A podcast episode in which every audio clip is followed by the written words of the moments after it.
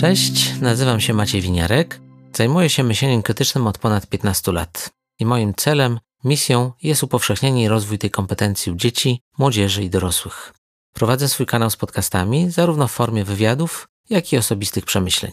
Zapraszam do słuchania wszystkich, którzy pragną zgłębić tajniki myślenia krytycznego. Będzie ciekawie. Drodzy Państwo, proszę się nie przejmować. Oczywiście nagranie będzie udostępnione już jutro. O, teraz oficjalnie. Dzień dobry.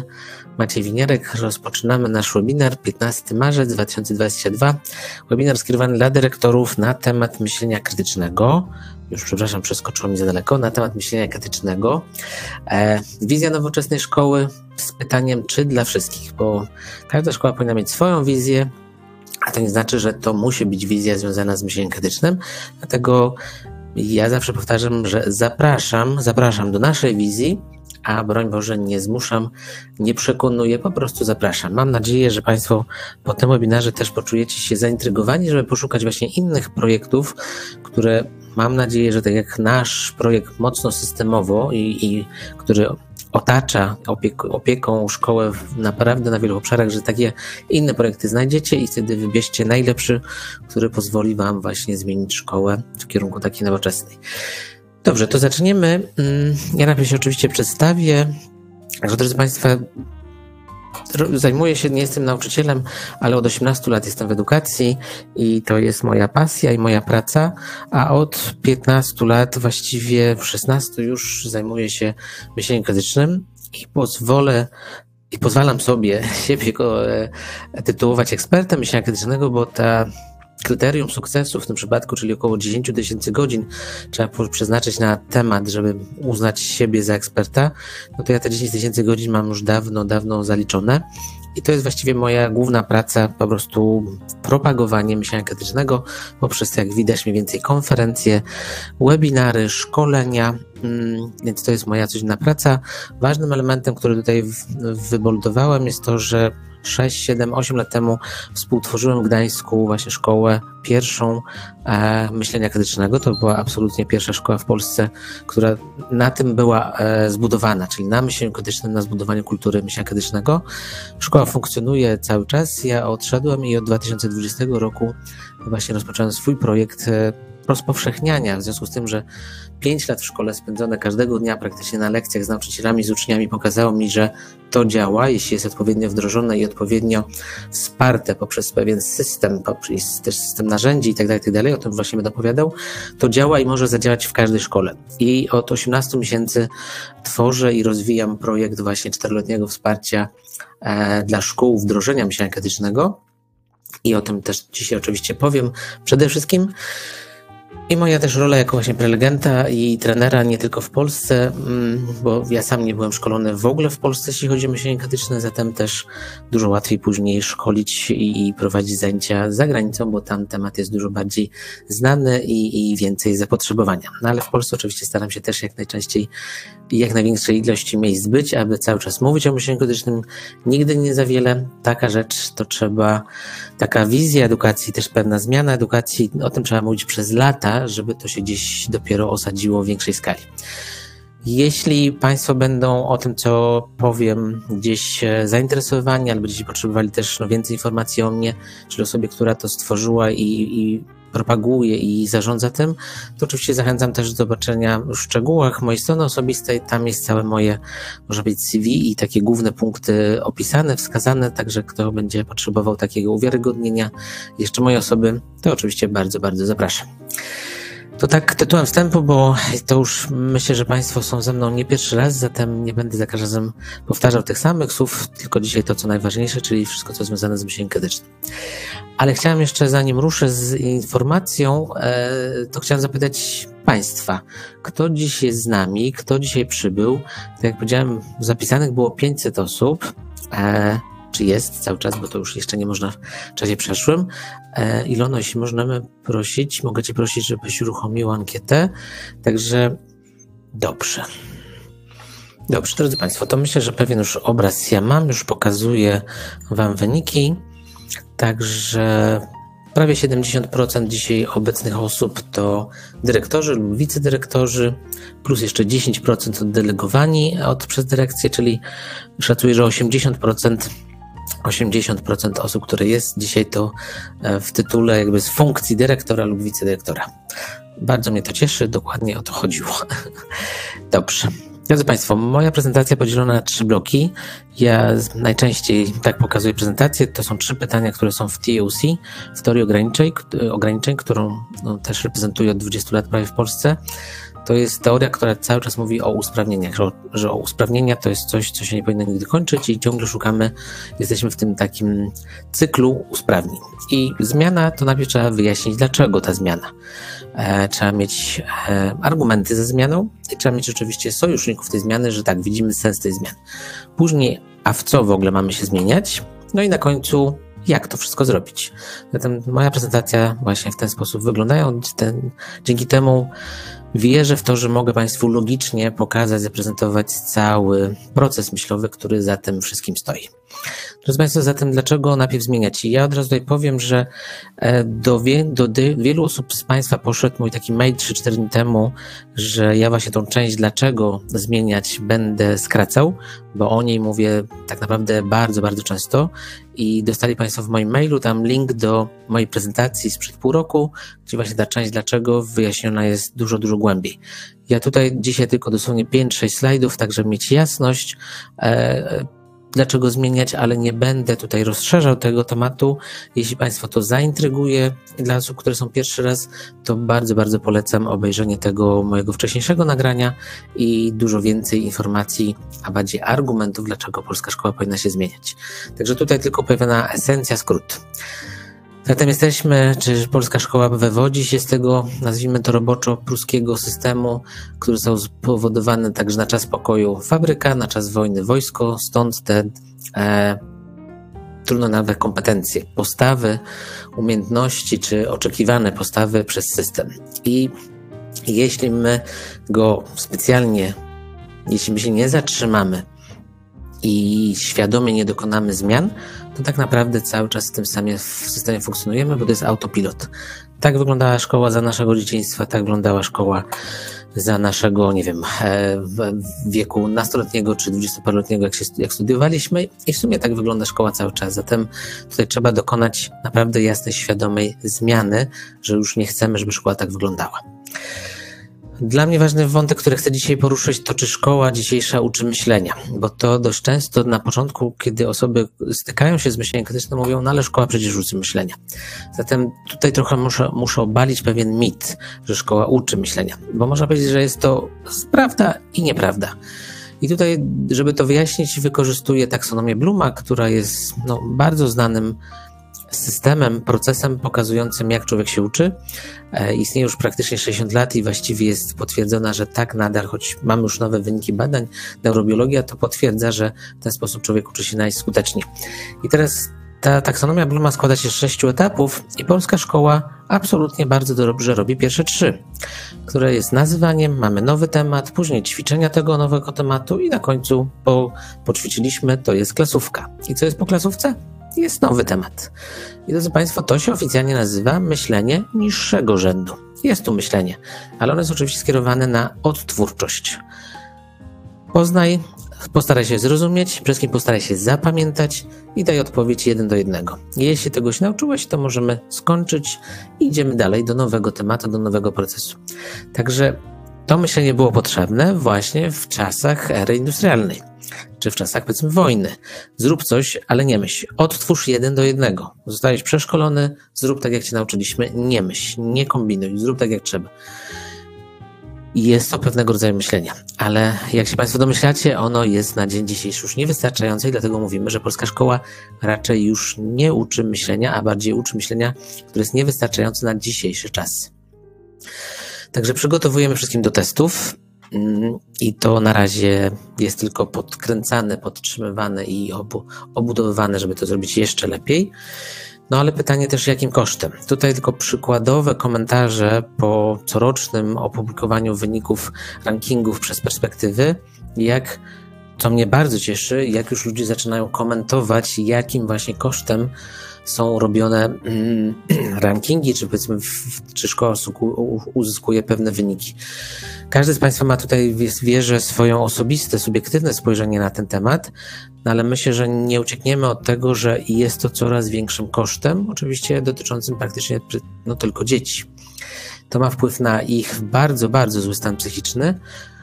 Tutaj e, z, Pokazuję Państwu dane z ostatniego roku, znaczy od powiedzmy 8 lat, ale ogromny przyrost prób samobójczych w wieku 13-18 lat. Jesteśmy tutaj niestety niechlubnym liderem w Europie i to są tylko i wyłącznie próby zgłoszone na policję, a myślę, że tych niezgłoszonych może być 2-3 razy więcej. Oczywiście tutaj mm, przyczyny takiego złego stanu psychicznego dzieci są dużo szersze. Tu nie chodzi, że to jest szkoła wszystkiemu winna, no ale na pewno jednak w szkole dzieci spędzają już dzień na dzień dzisiejszy od 35 do 40 godzin tygodniowo, więcej właściwie za chwilę niż dorośli ludzie w pracy. Zatem na pewno szkoła ma ogromny wpływ na ich stan psychiczny. Nie jest jedyna, ale ma ogromny wpływ i tutaj też musimy zdawać sobie sprawę, że przyspieszając albo bardziej dokręcając śruby, właściwie już się tutaj nic nie osiągnie dobrego to tylko już będą rosły koszty. Myślę, że przekroczyliśmy już wszystkie nasze dzieci pewien próg wytrzymałości i teraz już bym powiedział raczej bardziej będzie tylko gorzej, jeśli będziemy dokręcać śrubę, niż nagle będą jakieś super wspaniałe efekty. Czego nie potrafi dziś dzisiejszy absolwent szkoły? To pytanie, które zadaję do wszystkich właściwie nauczycieli, którzy prowadzą szkolenia dobrych 4-5 lat. I co zaskakujące, to wszyscy są zgodni, że tych lista rzeczy, które absolwent nie dostaje od szkoły dzisiaj jest bardzo długa, ale można je podzielić na dwie grupy. Pierwsza grupa bardzo niska samoświadomość i niskie poczucie własnej wartości, bo system cały czas pokazuje, czego nie potrafisz i ten element opresyjności, a druga kategoria właśnie kompletnie niewyposażony w kompetencje ma wiedzę, ale nie ma kompetencji. I, I tutaj właściwie 100% czy 90% moja subiektywna ocena nauczycieli absolutnie bez problemu definiuje właśnie z czym wypuszcza absolwenta na rynek. Czy to jest szkoła podstawowa jako absolwent, czy szkoła licealna, czy studia wyższe. Zatem zgodność jest, że system szkoła wypuszcza nieprzygotowanych ludzi do życia dorosłego. I tu tak memem, żeby troszkę czasami tutaj mrugnąć oczkiem, że tak widzę, że dobrze sobie radziłeś w szkole, a jakie posiadasz umiejętności przydatne w świecie? Testy. Umiem rozwiązywać testy. To jest coś, co na pewno polska szkoła dobrze przygotowuje e, ucznia, absolwenta. No pytanie tylko, czy mu się to przyda, czy coś z tym może zrobić. Drodzy Państwo, tak powiedziałem, ja pewien skrót dzisiaj daję, esencję. Zachęcam, gdyby coś nie do końca Wam jeszcze pasowało, nie, że jest to zbyt krótko, to proszę obejrzyjcie mój materiał inny. To jest pytanie retoryczne, które tutaj Państwo widzicie, czy ten model, czy Wy jako nauczyciele, Wy jako dyrektorzy macie poczucie, że dotarliście do ściany i że dalej tak być nie może? To jest moje pytanie, które każdy z Was oczywiście musi sobie sam odpowiedzieć. Jeśli uważacie, że szkoła ma się dobrze, wszystko idzie w dobrym kierunku, ok, można pewne korekty porobić, ale ogólnie jest dobrze, to myślę, że dalej co pokażę nie do końca będzie dla Państwa. nie będziecie adresatami tej informacji. Jeśli jednak, a wierzę, że większość z Was, jeśli nie wszyscy jesteście tu, dlatego że właśnie dotarliście już do, do ściany, zatem zobaczmy, jak można zrobić to inaczej, bez rewolucji, bo ja Państwa ani dziś, ani każdego innego dnia nie będę namawiał do rewolucji i do wysadzenia systemu, tylko bardziej wykorzystania wolności, którą mamy w klasie i w szkole, aby dokonać jasnych, konkretnych zmian. Pytanie do Państwa z innej beczki. Mam trzy pytania, które też są pytaniami retorycznymi. Pytanie pierwsze. Czy świadomie wybrałem, jako dyrektor, bo 80% dzisiaj osób jest powiedzmy dyrektorami, czy świadomie wybrałem, czego tak naprawdę uczymy dzieci w naszej szkole. Czy to był świadomy wybór? Czy w ogóle był jakiś wybór? Czy właściwie idziemy na autopilocie, czyli no ogólnie na podstawie programowej wiedzy? Czy była kiedykolwiek taka dyskusja, chociażby w waszym Radzie Pedagogicznej, czy jakimś grupie już blisko dyrektora, czego my tak naprawdę chcemy uczyć? Czy to było przedyskutowane i świadomie wybrane? Idźmy dalej. Czy świadomie wybrałem jako dyrektor metody. I tutaj będą różne metody, projekty, programy. Tak, tego jest dużo w szkole, ale ważne, które obecnie realizują w szkole właśnie ten mój cel wyższy. Czy pozwalają mi one realizować ten powyższy cel, czyli załóżmy, że szkoła jasno wie, czego chce nauczyć. I teraz, czy metody, które używacie, plus projekty, pomagają wam realizować ten cel, czy właściwie są zupełnie z innego czegoś? Czy to się łączy? Czy wszyscy idziemy w jednym kierunku, czy następuje rozproszenie? Właściwie cały czas rozproszenie. Robimy wszystko. I pytanie, czy to tak u mnie w szkole jest, czy może inaczej. I kolejne pytanie jeszcze o metody, a tutaj czy też projekt, programy, które macie obecnie w szkole, czy uczą konkretnej kompetencji, czy, czy są skierowane na ucznia, czy bardziej rozwijają warsztat nauczyciela, jak ma uczyć, jak pracować z młodzieżą. Czyli tutaj moje pytanie, czy metody, które kupujecie, szkolicie się, poszukujecie, skierowane są dla nauczyciela, czy skierowane są dla ucznia? Takie trzy pytania retoryczne zostawiam Państwu, bo staram się za każdym razem, kiedy jest to prezentacja, warsztat, obojętnie, ale kontekst myślenia krytycznym, moją rolą, moją odpowiedzialnością jest dać uczestnikom jak najwięcej pytań. To nie są łatwe pytania, ale one mają spowodować zmianę, albo bardziej świadomy wybór. Jeśli decyduję się, że chcę zostać tym, co robię, to i tak będzie dobrze, bo to jest mój świadomy wybór, że robię to, bo to wybrałem a nie dlatego, bo tak robimy od 20 lat i w sumie nie wiem dlaczego. Tak, także tu chodzi o to, żebyśmy się zatrzymali, zakwestionowali, dlaczego to robimy. Drodzy Państwo, i bardzo ważna informacja, jeśli chodzi jeszcze o system, że w systemie szkolnym jest, e, funkcjonuje do dzisiaj pewien paradygmat myślowy, że uczenie się jest wynikiem zapamiętania. Tak kiedyś, tworząc osoby, które tworzyły szkołę 200 lat temu, tak myśleliśmy o człowieku, o naszym mózgu, że uczymy się dlatego, że potrafimy coś zapamiętać. Dzisiaj, mając e, oczywiście neurobiologię i tak dalej, tak dalej, wszystkie urządzenia, wiemy, że zapamiętanie jest zupełnie inną funkcją myślową, e, związaną, jeśli chodzi z pracą naszego mózgu, a wszystkim dużo mniejszą, nie najważniejszą. To nie tutaj jest uczenie. Ale w związku z tym, że mamy taki paradygmat, który w sumie nie jest zakwestionowany oficjalnie, to Dokładnie. Mamy jak najwięcej w tej codzienności szkolnej mnóstwo szkoleń właśnie jak nauczać przez nauczyciela, bo on musi dać jak najwięcej informacji, dać jak najlepiej tą informację, żeby uczeń mógł jak najwięcej zapamiętać z tej lekcji. Także też sporo ćwiczeń aktywności na zapamiętanie. Później koncentracja przyswój i właśnie odtwórz na teście jeden do jednego. Jeśli dasz 100% prawie odpowiedzi, jesteś najlepszym uczniem, jaki system e, może mieć i system cię kocha. Tak, także dużo, coraz więcej informacji z pamiętania, bo nasz świat się zmienia, więc mamy poczucie, że trzeba uczniom jeszcze i tego, i tego nauczyć. Patrz, mają i to, i to jeszcze zapamiętać. Rolą nauczyciela jest ciągle wskazywanie, czego jeszcze nie zapamiętałeś. No i oczywiście to powoduje też kulturę oceniania, co powoduje kulturę dyskomfortu, lęku itd., tak itd. Tak także drodzy Państwo, czasami trzeba pewne rzeczy sobie zobaczyć, znaczy zobaczyć, żeby sobie uświadomić, czy czy tak jest i czy nam to odpowiada, czy my się zgadzamy, że i czy my tak chcemy w naszej szkole. Także zostawiam Państwu kolejne pytanie. Czy chcecie, żeby u Was w szkole było uczenie się wynikiem zapamiętania, czy może, i tutaj postawię kropkę, bo o tym będę mówił powiedzmy w dalszej części, ale dzisiaj ten paradygmat myślowy funkcjonuje praktycznie w każdej szkole. Czy on jest prawidłowy, prawdziwy? To już każdy musi sobie sam odpowiedzieć. Na pewno on zmusza do tego, że to nauczyciel musi być mistrzem ceremonii. To nauczyciel musi się szkolić, przynosić coraz więcej zasobów, przychodzić z tymi siatami, z torbami, bo to nauczyciel musi się, znaczy musi nauczyć i musi przygotować wszystko. Dobrze wiemy, że proces wypalania zawodowego nauczycieli jest najwyższy i najszybszy, jeśli chodzi o grupy zawodowe w Polsce. Do 10 lat i właściwie nauczyciele ma wypalenie zawodowe. Wiemy, jaki dzisiaj też jest stan psychiczny nauczycieli, on jest bardzo słaby. Tutaj też oczywiście dochodzi wiele czynników powodujących, że ten dobrostan jest na niskim poziomie, ale jednym z ważniejszych jest przeciążenie nauczyciela, że cała odpowiedzialność za proces jest na jego barkach. A on się stara, stara, ale nie można i tak nikogo zmusić do nauczania się, tak? Także tutaj zawsze ta metafora konia, możemy go przyprowadzić siłą do wodopoju, ale jak nie będzie chciał się napić, to nic z tym nie zrobimy. Żadne sztuczki nie pomogą. I tak jest z uczeniem się naszych dzieci. Nauczyciel może tylko je zaprosić do nauczania, do uczenia się, ale jak one nie będą chciały, to nic się nie zmieni. I tutaj mam taki nowy slajd, zmodyfikowałem ten złoty krąg Simona Sinka.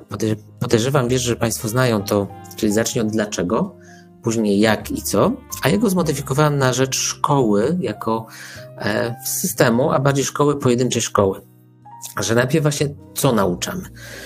I, a później jak, i, a przede wszystkim po co. Więc pierwsze co, tutaj dałem na, na starcie trzy kropki jako element, że moje doświadczenie, a w tej chwili to jest no, kilka tysięcy nauczycieli, kilku, powyżej kilku tysięcy też dyrektorów miałem możliwość spotkać, szkolić, współpracować, to dyrektorzy często mówią, że nie, my się nie zastanawialiśmy nigdy, co uczymy. Oczywiście rzeczywistość nie znosi pustki, więc w tej co, jeśli my sami jako lider, dyrektor nie wprowadzimy tego czegoś, no to system wprowadza, czyli wiedzę, czyli podstawę programową. Czyli oczywiście nie ma opcji, że szkoła nie uczy niczego. Tylko tutaj chcę położyć nacisk, że jeśli my sami jako dyrektorzy tego nie wybraliśmy, to system wybierze za nas, czyli właśnie zmusi nas, że najważniejsze, czego uczycie, to podstawa programowa. Jak uczymy? No bo oczywiście przez podręczniki, nauczyciela, który naucza, nazwijmy to tradycyjny model. A po co to wszystko zrobione? Aby przygotować do testu, do testu ósmoklasisty, do matury. Tak, po prostu wyprodukować, otworzyć, odtworzyć jeden do jednego taksonomia Bluma i to jest koniec procesu. I tutaj, jeśli nie wiesz co, patrz czego nauczać, to cała energia tak naprawdę, wszystkie zasoby, które są w szkole, idą na no to jak nauczać. I tak naprawdę wtedy nadal cały czas centralną postacią e, tego naszego, naszej edukacji w tej naszej szkole jest nauczyciel. Bo nie wiemy czego nauczać, zatem pozwalamy, żeby to nauczyciel zabrał właśnie wszystko, całe zasoby i jego trzeba ciągle szkolić, ciągle dawać mu nowe narzędzia, ale to nauczyciel, nauczyciel jeszcze raz, nauczyciel jest najważniejszy, naucza. Drodzy Państwo, czy to jest wystarczające, czy to jest skuteczne, czy to jest efektywne? To jest znów pytanie do Państwa jako pytanie retoryczne, ale tutaj też mam pytanie w ankiecie, e, jeśli chodzi o to, czy system, e, czy, czy po prostu polska szkoła dotarła do ściany i powinna się zmieniać.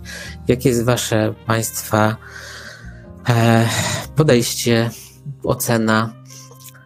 Bardzo będę wdzięczny za Wasze odpowiedzi. Oczywiście nie oczekuję od Państwa, że wszyscy już odpowiecie, że tak. Chociażby tutaj to pytanie, jeszcze nie wiem jak odpowiedzieć na to pytanie, jest też bardzo dobrą odpowiedzią, bo tak jak powiedziałem, moim celem jest, żeby Państwa zatrzymać. Żeby zatrzymać, żebyście właśnie usłyszeli pewne pytania, które w codziennej bieżączce, no właściwie nawet nie ma kto zadać i nie ma czasu, żeby je zadać.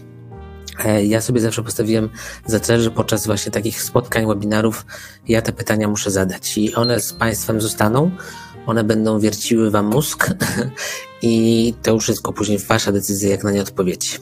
Ale to jest rola, odpowiedzialność dyrektora, żeby o takich rzeczach myśleć, żeby o zmianach myśleć, albo bardziej też widzieć, czy szkoła po prostu idzie w dobrym kierunku i tylko korygujemy, usprawniamy zmiany, czy, czy właśnie w, trzeba już właściwie dużej ewolucji. Mam jeszcze mało osób, które odpowiedziało. Proszę może nie pisać, e, tylko bardziej zagłosować e, w ankiecie ogromna prośba o kliknięcie, wybranie jednej z trzech odpowiedzi, bo bardzo mało osób odpowiedziało, także może nie było widoczne. Dosłownie jeszcze 5 sekund, tak żeby jak najwięcej głosów się pojawiło. Brak takiej, aha, pan Sławek fajnie pisze, zmieniamy szkołę 20 lat, może zbyt wolno. Brak takiej wersji. Dobre, dobre, dobra propozycja Panie Sławku, wykorzystam, że tak, zmieniamy, ale czujemy, że zmiany są chyba zbyt powolne. Także bardzo fajna odpowiedź, dziękuję. Dobrze, drodzy Państwo, nie będę już zatrzymywał tutaj. E, już pokażę wyniki.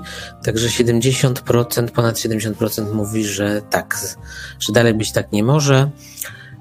To tylko też dla Państwa po prostu, tak? E, odpowiedź, czy, czy jesteście pojedynczą osobą, która chce zmieniać szkołę i macie poczucie, że wszyscy patrzą na Was jak na wariatów, czy może takich pozytywnych wariatów jest więcej?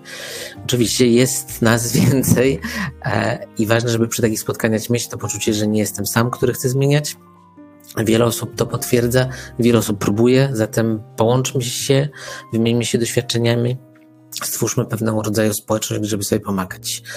Dobrze, drodzy Państwo, zatem to był ten moment systemu, jak to dzisiaj działa.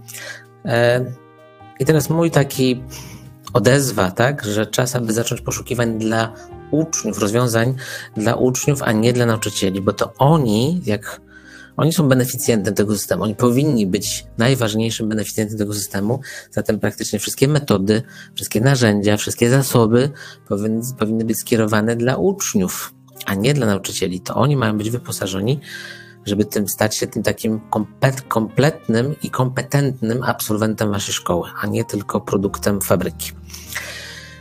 Zatem, co ja Państwu chcę dzisiaj zaproponować? W co zmieniać? W co, w jakim kierunku właśnie szkoła i konkretna wizja zmiany szkoły? Także zacznę właśnie od tego samego kręgu i teraz nasz. Tutaj mówię o, no, o nas i o naszej społeczności. My bardzo konkretnie mówimy, czego nauczamy. Tutaj nie ma trzech kropek, że my nie wiemy, czego nauczamy, tylko koncentrujemy się, jak nauczamy. Nie, nie.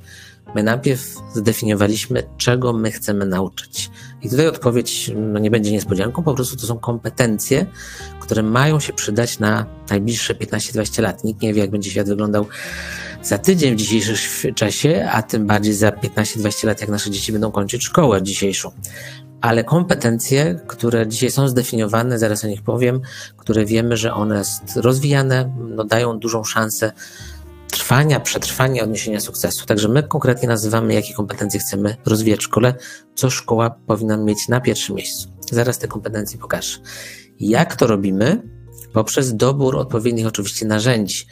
Nazwałem to system, który też za chwilę Państwu wyjaśnię, który składa się z narzędzi, procesów przygotowanych przez czołowe ośrodki edukacyjne na świecie.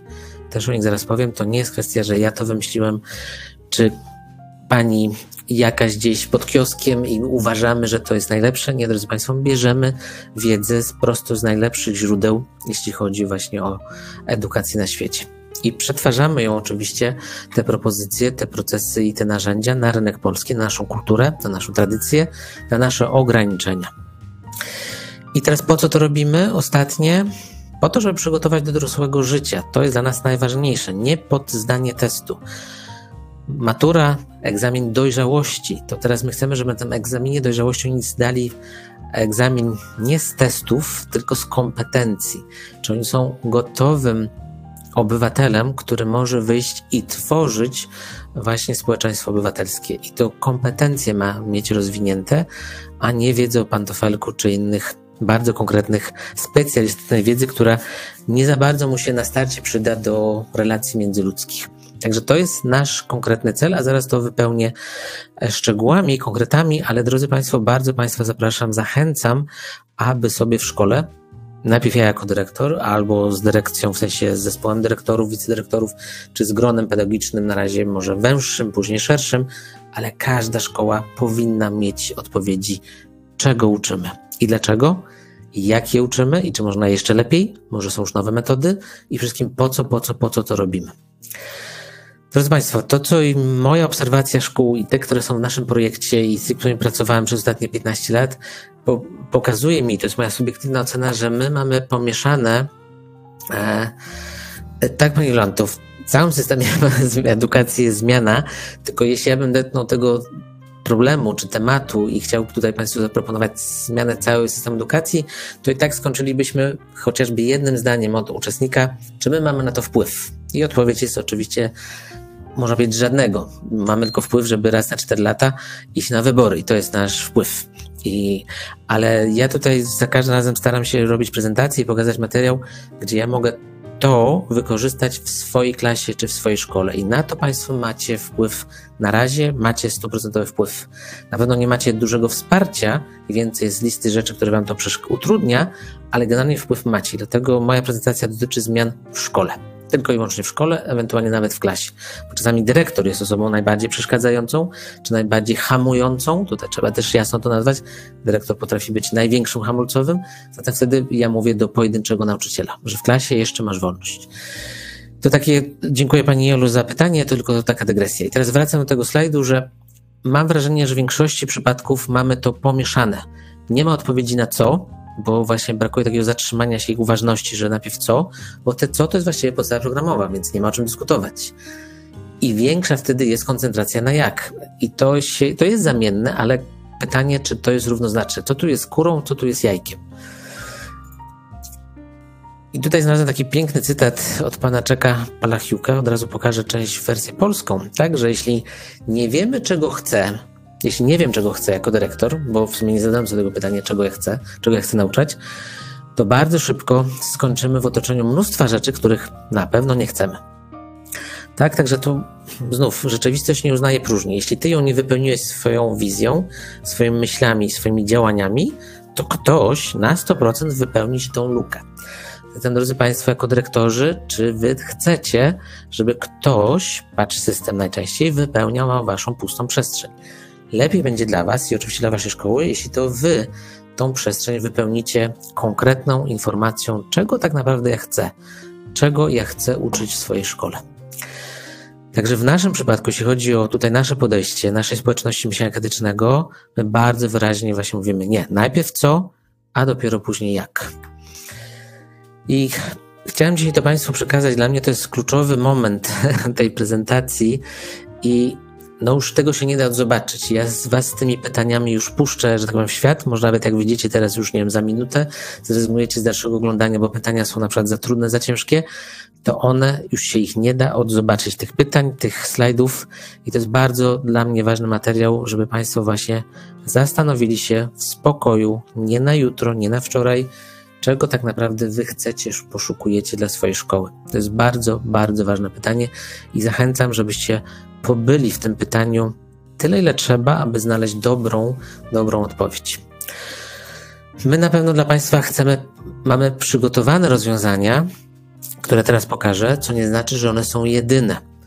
Jeśli Państwo postawicie, postawicie sobie to pytanie, czego chcę dla swojej szkoły, to zaczniecie inaczej szukać tych rozwiązań na rynku. I tych rozwiązań na rynku kilka jest. Ja pokazuję teraz swoje rozwiązanie związane bezpośrednio właśnie z myśleniem krytycznym, czy bardziej z konkretnymi kompetencjami. Drodzy Państwo, skąd, czego my chcemy nauczać w naszym projekcie? My chcemy nauczać kompetencji, a teraz jakich kompetencji? Na początku XXI wieku kilkuset edukatorów, naukowców, biznesmenów, psychologów spotkało się na konferencji, która się nazywała Partnership for 21st Century. Partnerstwo na, dla, na XXI wiek. I oni po iluś dniach czy tygodniach pracy wyartykułowali bodajże 18 kompetencji, które powinny być rozwijane w każdej szkole, w każdym, na każdym lądku, krańcu świata. Po kilku latach się zebrali i stwierdzili, że to nie wyszło, głównie dlatego, że tych kompetencji było zdecydowanie za dużo. I znów przemyśleli, przeorganizowali i stanęło, że cztery, tylko cztery kompetencje, 4K to jest coś, co powinniśmy rozwijać w naszych szkołach. I znów nieważne od kultury, nieważne od regionu, nieważne od języka. To są cztery uniwersalne kompetencje. Krytyczne myślenie, a zaraz je w szczegółach wyjaśnię dla osób, które jeszcze nie do końca znają. Kooperacja, czyli umiejętność pracy zespołowej, wzięcie odpowiedzialności za pracę zespołową, komunikacja, czyli oczywiście umiejętnie się komunikujemy ze sobą klarownie, precyzyjnie, ale też umiejętnie się słuchamy. To nie jest tylko mówienie, to jest też słuchanie. I kreatywność, czyli oczywiście umiejętność tworzenia nowych, innowacyjnych, oryginalnych pomysłów, ale to z kreatywnością łączy się też akceptacja błędu. To jest stworzenie kultury w klasie, której błąd jest raczej częstszym, zdecydowanie częstszym akcją, więcej będzie błędów, z których my się uczymy. I to trzeba świadomie stworzyć kulturę akceptacji błędu, czasami wręcz celebracji błędu, bo tylko w takich warunkach bezpiecznych, że błąd można popełniać, dopiero w takich warunkach pojawia się kreatywność, innowacyjność. I to są 4K. I tu świat mówi, wyposażcie swoich uczniów w te 4K, a oni mają ogromną szansę, żeby odnieść sukces. I do tego oczywiście Państwa bardzo zapraszamy. Dla jednej klarowności, bo kiedy mówimy w Polsce na szkoleniach, prezentacjach o kompetencjach, to się okazuje, że mamy różne pojęcie, co to są kompetencje. Zatem na wszelki wypadek, żebyśmy mówili jednym językiem, kompetencja składa się z trzech obszarów. Oczywiście wiedzy, czyli konkretne coś, co muszę poznać, nauczyć się tego i na tym się kończy najczęściej polska szkoła. Ale do tego jeszcze mam umiejętności, czyli umiejętność właśnie ćwiczenia tej nowej wiedzy konkretnych warunkach, w pracy zespołowej, komunikowania się w obszarze tej wiedzy i tak dalej, i tak. Tak? Także tutaj, tutaj wypisałem pewne rzeczy, które trzeba ćwiczyć, aby umiejętność została wygenerowana, rozwinięta. I trzecia rzecz, postawa.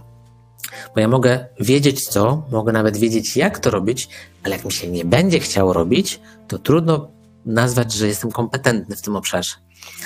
Z kompetencją wiąże się też właśnie ta proaktywność, ciekawość, samodzielność, zaangażowanie, chęć więcej, więcej, więcej. To jest osoba kompetentna.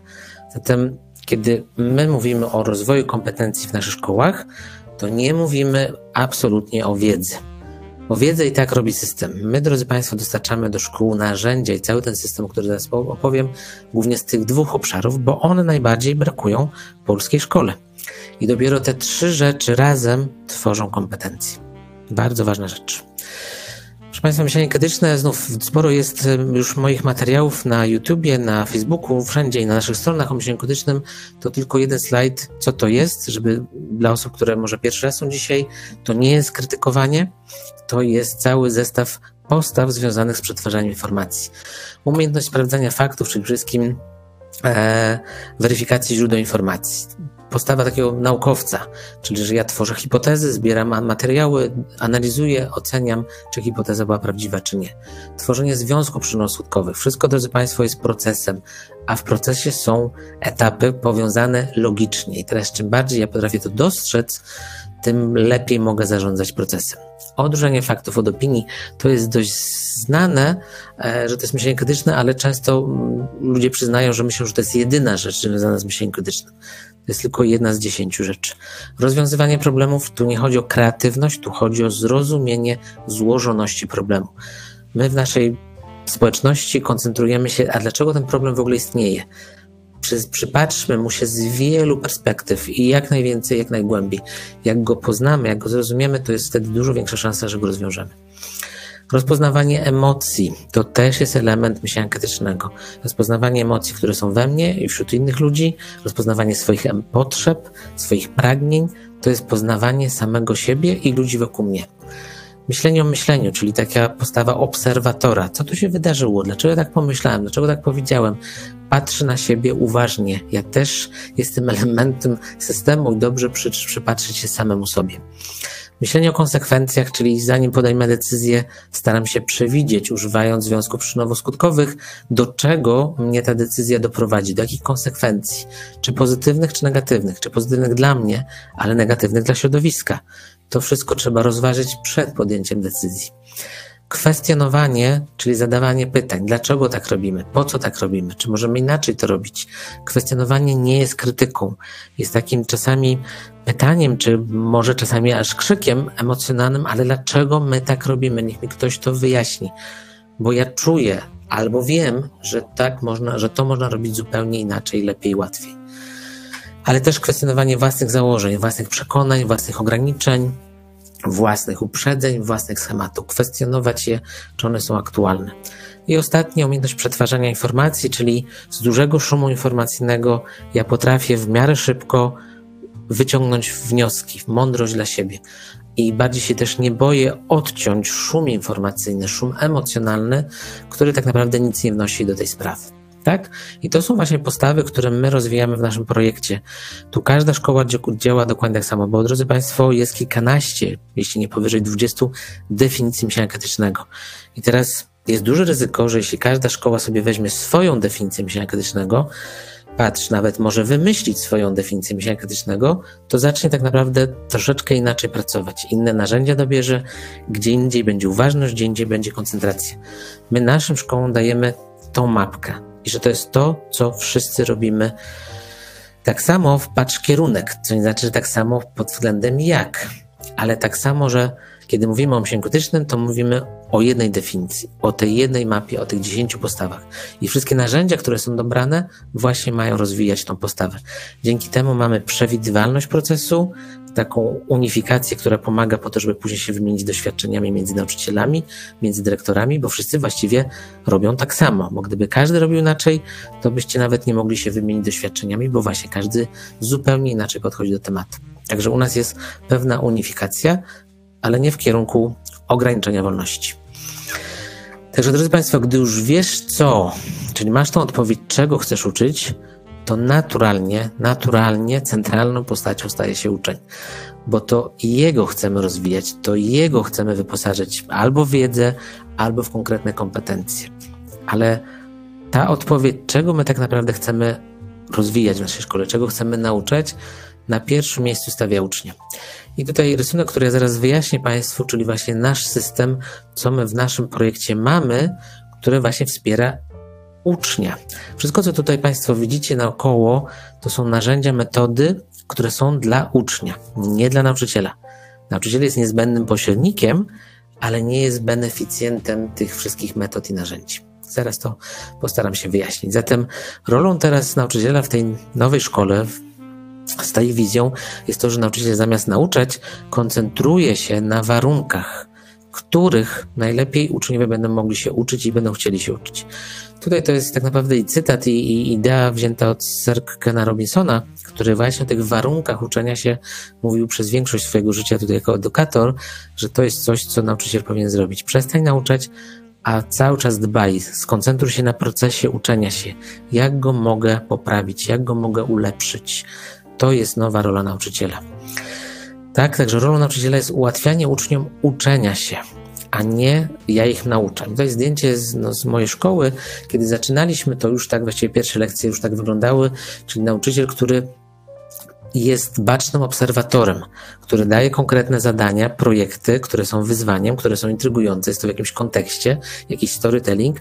Pracują dzieci zespołowo, dostają narzędzia krytycznego myślenia, dostają konkretny cel, dostają konkretny czas, i, I, wtedy rola nauczyciela skupia się tylko tego, żeby ich obserwować, gdzie utknęli, w czym mają problem, jak mogą im to ułatwić, nie oczywiście nie dając podpowiedzi.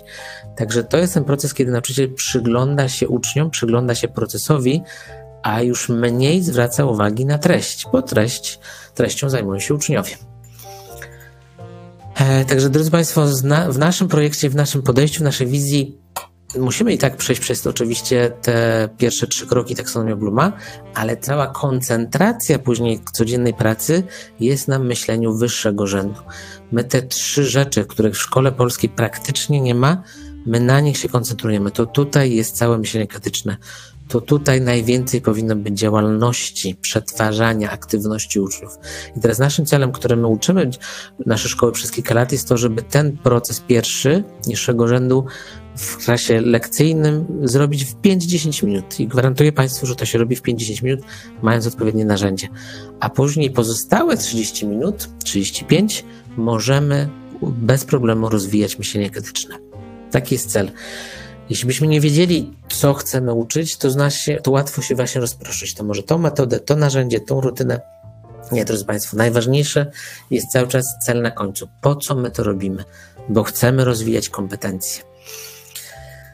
E, I drodzy Państwo, myślenie krytyczne oczywiście nie jest naszym pomysłem jako idea i też nie jest naszym pomysłem jako kompetencja, że jest ważna. To wystarczy śledzić świat, o który mówi od wielu, wielu lat o myśleniu krytycznym, że to jest kompetencja numer jeden. Tutaj tylko tak dla porządku przywołuję zestawienie forum ekonomicznego, które co 5-6 lat publikuje top 10 takich naj, naj, 10 najważniejszych umiejętności, które będą potrzebne, oczekiwane za 5-10 lat. Ja ich obserwuję od dobrych 15 lat i myślenie krytyczne było najczęściej czwartym, trzecim miejscu. W listopadzie 2020 to jest lista aktualna do 2025 z 10 kompetencji wyartykułowanych tutaj przez Forum Ekonomiczne, a 6 tak naprawdę to są obszary, czy właśnie postawy myślenia krytycznego. Także to już nie jest jedna kompetencja, rozbito nawet to na 6 kompletnie nowych kompetencji, co tylko pokazuje, jak dużo potrzeba nam myślenia krytycznego, bo to we wszystkich obszarach i technicznych, i ludzkich, interpersonalnych, we wszystkich obszarach potrzebne jest myślenie krytyczne. I drodzy Państwo, też przygotowałem tutaj spis. To nie jest tak, że nasz rząd, e, nasz minister, a bardziej nasz system zakazuje myślenia krytycznego. Wręcz przeciwnie, na razie myślenie krytyczne jest wszędzie wpisane, że ma być realizowane. Zatem jeśli się zdecydujecie na realizację myślenia krytycznego, rozwój, to broń Boże, nie łamiecie prawa, nie wychodzicie przed szereg. Nie, myślenie krytyczne jest wpisane do podstawy programowej praktycznie wszystkich przedmiotów w ostatnich 5-6 latach, więc e, to w ramach tej ekipy. Zatem póki można, póki jest wolność, jak to robić, to bardzo, bardzo oczywiście zachęcam, a bardziej tylko jest potwierdzenie, że myślenie krytyczne jest czymś, co jest od góry zachęcane, narzucane, proponowane. Także góra mówi róbcie, zatem róbmy. Drodzy Państwo, kończąc wizję, bo jesteśmy jeszcze w tym etapie wizji edukacji, to chcę Wam pokazać teraz kilka zdjęć i obszarów, co to znaczy, żebyście widzieli, jak to może wyglądać, bo co innego jest opowieść, jak to może wyglądać, co innego do koń, na końcu zobaczyć obraz, do którego powiedzmy chcemy lub nie chcemy zmierzać. Także tutaj kilka slajdów w kierunku takiego obrazu, jak to będzie wyglądało. Także w takiej klasie, w takiej szkole tworzą się zupełnie nowe reguły w kontekście zupełnie innych relacji i zasad, które są między nauczycielami a uczniami. i między uczniami, i między nauczycielami, bo między nauczycielami to wszystkim praca zespołowa, wymiana doświadczeń. Między nauczycielami a uczniem to przede wszystkim kultura partnerstwa, relacyjności, bo tam, gdzie jest relacja, tam jest dopiero edukacja. Są zupełnie nowe reguły funkcjonowania w klasie i w szkole. Tworzy inną relację między właśnie nauczycielem a uczniami. Nauczyciel jest przewodnikiem, jest e, tutorem, moderatorem, coachem, jest osobą, do której ja się nie boję zwrócić z pytaniem. To jest osoba, która też da mi dużo pytań, które są trudne, które mnie zapraszają do przygody. To jest zupełnie inna relacja nauczyciel-uczeń, ale też między uczeń-uczeń, bo w tej kulturze to rolą nauczyciela jest też budowanie jak najwięcej okoliczności, w których to uczniowie będą uczyć się nawzajem, bo tutaj tak naprawdę jest największy przyrost wiedzy i zrozumienia, kiedy uczeń uczy ucznia. Zatem jak najwięcej takich warunków do pracy nowe rodzaje pytań. Nie odpytywanie właśnie, tak jak trochę mówiłem wcześniej, tylko pytania otwierające. Ja jako nauczyciel chcę poznać wasz stosunek, chcę poznać, co wy myślicie o tym materiale, o tej treści, o tej wiedzy, a nie czy ją potraficie otworzyć, zapamiętać jeden do jednego. I to są przykłady tylko narzędzi krytycznego myślenia, które powodują, że właśnie ja jako e, prowadzący widzę myślenie uczniów, widzę, co ich interesuje i mogę zadać pogłębiające pytania, żeby oni poszli jeszcze głębiej, jeszcze dalej, jeszcze szerzej. I tutaj oczywiście rozwijamy nowe umiejętności. Wiedza jest tylko kontekstem, a naszym celem jest 4K. I tu jest zdjęcie, jeszcze do niego wrócę, bo ona będzie przy innym slajdzie. Także naszym celem wszystkim jest rozwijanie właśnie kompetencji i wystąpień publicznych, pracy zespołowej. E, kompletnie nowe, inne umiejętności nowe rodzaje zadań. Zadania polegające na tym, że właśnie to ty musisz znaleźć informacje, przetworzyć, wywnioskować i razem w zespole stworzyć. Także umiejętności, znaczy zadania, które nie polegają na zero-jedynkowej odpowiedzi, tylko bardziej właśnie na zrozumieniu problemu. Na zrozumieniu problemu po to, żeby wyciągnąć wnioski i poszukiwanie problemu, poszukiwanie jego zrozumienia jest procesem, gdzie dzieci się najwięcej uczą. Tak, i znów narzędzia, cały system, który stworzyliśmy, służy temu, żeby właśnie dzieci jak najwięcej tych zadań takich otwartych robiły i ten proces edukacyjny przetwarzały. Znów narzędzia i zupełnie inaczej pracują, zupełnie inaczej myślą. I praca zespołowa, właśnie mnóstwo pracy zespołowej, bo całe myślenie krytyczne jest oparte na tym, że to robimy w grupach, także i stoły inaczej ustawione, i zadania inaczej poprowadzone, to uczniowie uczą siebie, to uczniowie, no właśnie, poprzez interakcję ze sobą pracują. Tutaj zrobię stop i zapytam Państwa moje pytanie dotyczące właśnie tej wizji. I nie pytam Państwa, czy, czy uważacie, że. Nie pytam, jak ją zrobić, tylko moje pytanie, które chciałbym, żebyście Wy się zatrzymali teraz, czy taka wizja w ogóle Wam odpowiada? Tak jak powiedziałem, tych wizji może być już wiele. Tutaj pytam o wizję naszą, czyli 4K. Tylko proszę jeszcze nie myśleć, ale jak to zrobić? Zostawcie to, to za chwilę będzie. Na razie w ogóle, czy to jest dla Was intrygujące, interesujące, korzystna, czy po prostu ta wizja e, jest dla Was atrakcyjna, żeby ją wprowadzić. Jak będzie za chwilę.